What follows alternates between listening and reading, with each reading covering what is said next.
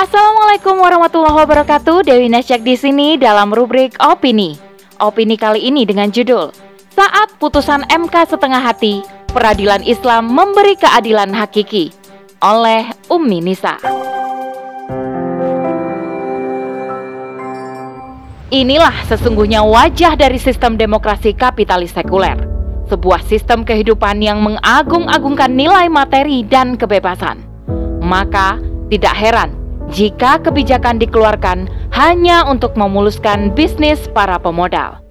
Selengkapnya, tetap di podcast Narasi Pos Media. Narasi Pos, cerdas dalam literasi media, bijak menangkap peristiwa kunci. Keadilan saat ini tampaknya menjadi hal yang sulit untuk dirasakan oleh rakyat negeri ini. Terbukti dari putusan Hakim Mahkamah Konstitusi atau MK pada sidang uji formal UU Ciptaker yang menuai polemik serta tidak memihak pada kepentingan rakyat.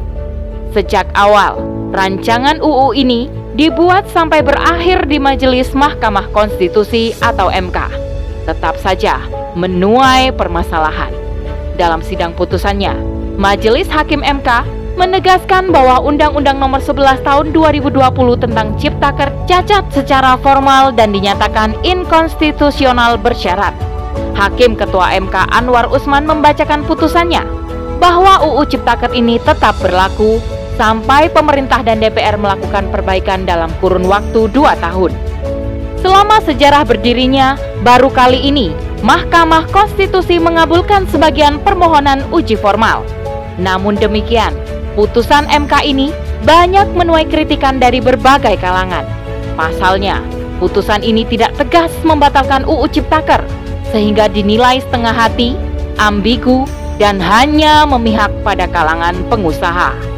Menurut Guru Besar Hukum Tata Negara Denny Indrayana, MK berupaya mengakomodasi pihak-pihak yang berkepentingan, sehingga mengambil jalan tengah yang menjadikan putusan menjadi ambigu. Ia pun menilai bahwa MK melakukan uji formal UU Ciptaker untuk menilai keabsahan prosedur pembuatan UU, bukan berkaitan dengan isinya. Pendapat senada juga disampaikan oleh politikus Gerindra Fadlizon. Dalam akun Twitternya, ia menyampaikan, seharusnya UU ini dibatalkan sebab bertentangan dengan Undang-Undang Dasar 1945. Jika harus diperbaiki selama dua tahun, terlalu banyak invisible hand. MK sebagai lembaga peradilan seharusnya dapat memenuhi rasa keadilan bagi seluruh rakyat. Bukan sebaliknya, keputusan yang dikeluarkan hanya berpihak pada kepentingan para pengusaha atau kapitalis. Inilah sesungguhnya wajah dari sistem demokrasi kapitalis sekuler.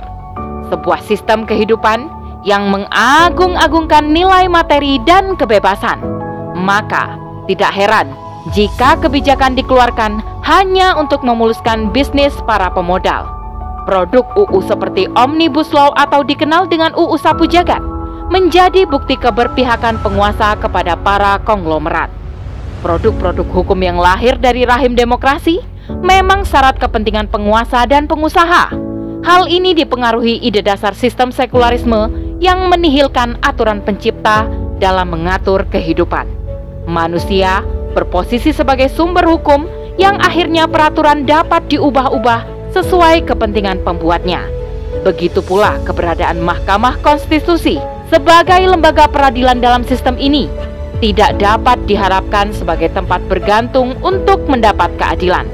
Sebab keberadaan lembaga ini pun adalah bagian yang tak terpisahkan dari sistem demokrasi kapitalisme sekuler, di mana keberadaannya mengokohkan sistem yang ada menjadikan para pengusaha sebagai pihak yang mengendalikan penguasa.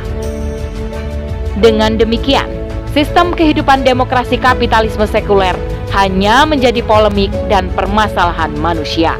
Alih-alih menjadi solusi, yang ada justru menambah ruwet permasalahan. Oleh sebab itu, tidak selayaknya kita berharap pada hukum demokrasi sekuler yang telah gagal mewujudkan keadilan untuk semua. Hal ini berbeda dengan sistem peradilan Islam. Ketika penguasa dituntut, maka hakim akan memutuskan berdasarkan landasan syariat Islam, tidak akan condong pada pihak mana pun. Sebagai agama yang sempurna, Islam memiliki aturan yang komprehensif dalam mengatur tatanan kehidupan manusia. Terkait peradilan, Islam membaginya menjadi tiga kategori sesuai objek yang dihukumi. Pertama, peradilan hisbah yang menghukumi siapa pun yang melanggar hak-hak umum masyarakat. Kedua, peradilan husumat yang mengadili perselisihan antara rakyat dengan rakyat. Ketiga, peradilan mazalim yang mengadili persengketaan antara rakyat dan penguasa.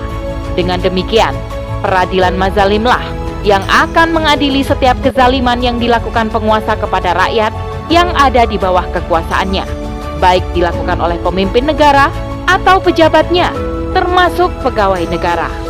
Proses peradilan mazalim telah dilakukan sejak masa pemerintahan Rasulullah Shallallahu Alaihi Wasallam. Adapun dalil mengenai peradilan ini adalah riwayat Nabi Shallallahu Alaihi Wasallam yang menetapkan tentang perbuatan seseorang penguasa ketika memutuskan perkara atau mengeluarkan kebijakan untuk rakyat tidak sesuai dengan arahan kebenaran, maka terkategori kezaliman. Anas menyatakan bahwa pernah suatu ketika di masa Rasulullah Shallallahu Alaihi Wasallam harga-harga demikian melambung tinggi. Lalu para sahabat berkata, wahai Rasulullah, andai saja anda mematok harga agar harga tidak melambung. Kemudian Nabi bersabda, sungguh hanya Allah yang menciptakan memegang, dan melapangkan, yang maha pemberi rizki dan yang maha menentukan harga. Aku tidak berharap akan berjumpa dengan Allah kelak, sementara ada seseorang yang menuntutku karena kezaliman yang aku perbuat kepada dia dalam perkara yang berkaitan dengan darah dan harta. Hadis riwayat Ahmad. Dengan demikian, setiap bentuk kezaliman yang menimpa seseorang yang berasal dari penguasa baik dari pengaturan atau kebijakan yang dikeluarkan negara, dinilai sebagai mazlimah atau kezaliman. Hal ini dapat disampaikan kepada pemimpin negara atau diselesaikan di mahkamah mazlim. Sementara, Kodi Mazalim adalah orang yang diangkat oleh pemimpin negara untuk mengadili setiap mazlimah yang berlandaskan pada syariat Islam. Keputusan yang ditetapkan tidak akan condong atau berpihak pada penguasa, meskipun yang dituntut adalah pejabat atau penguasa.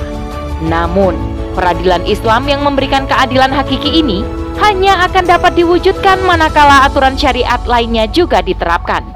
Sebab aturan Islam yang satu berkaitan dengan yang lainnya. Oleh sebab itu, saat ini yang dibutuhkan adalah kesadaran umat terhadap penerapan aturan Islam secara sempurna. Hanya Islamlah yang menjadi harapan sebagai tempat bergantung rakyat untuk mendapat keadilan. Wallahu a'lam bisawab. Demikian rubrik opini kali ini. Sampai bertemu di rubrik opini selanjutnya. Saya Dewi Nasyak undur diri. Wassalamualaikum warahmatullahi wabarakatuh.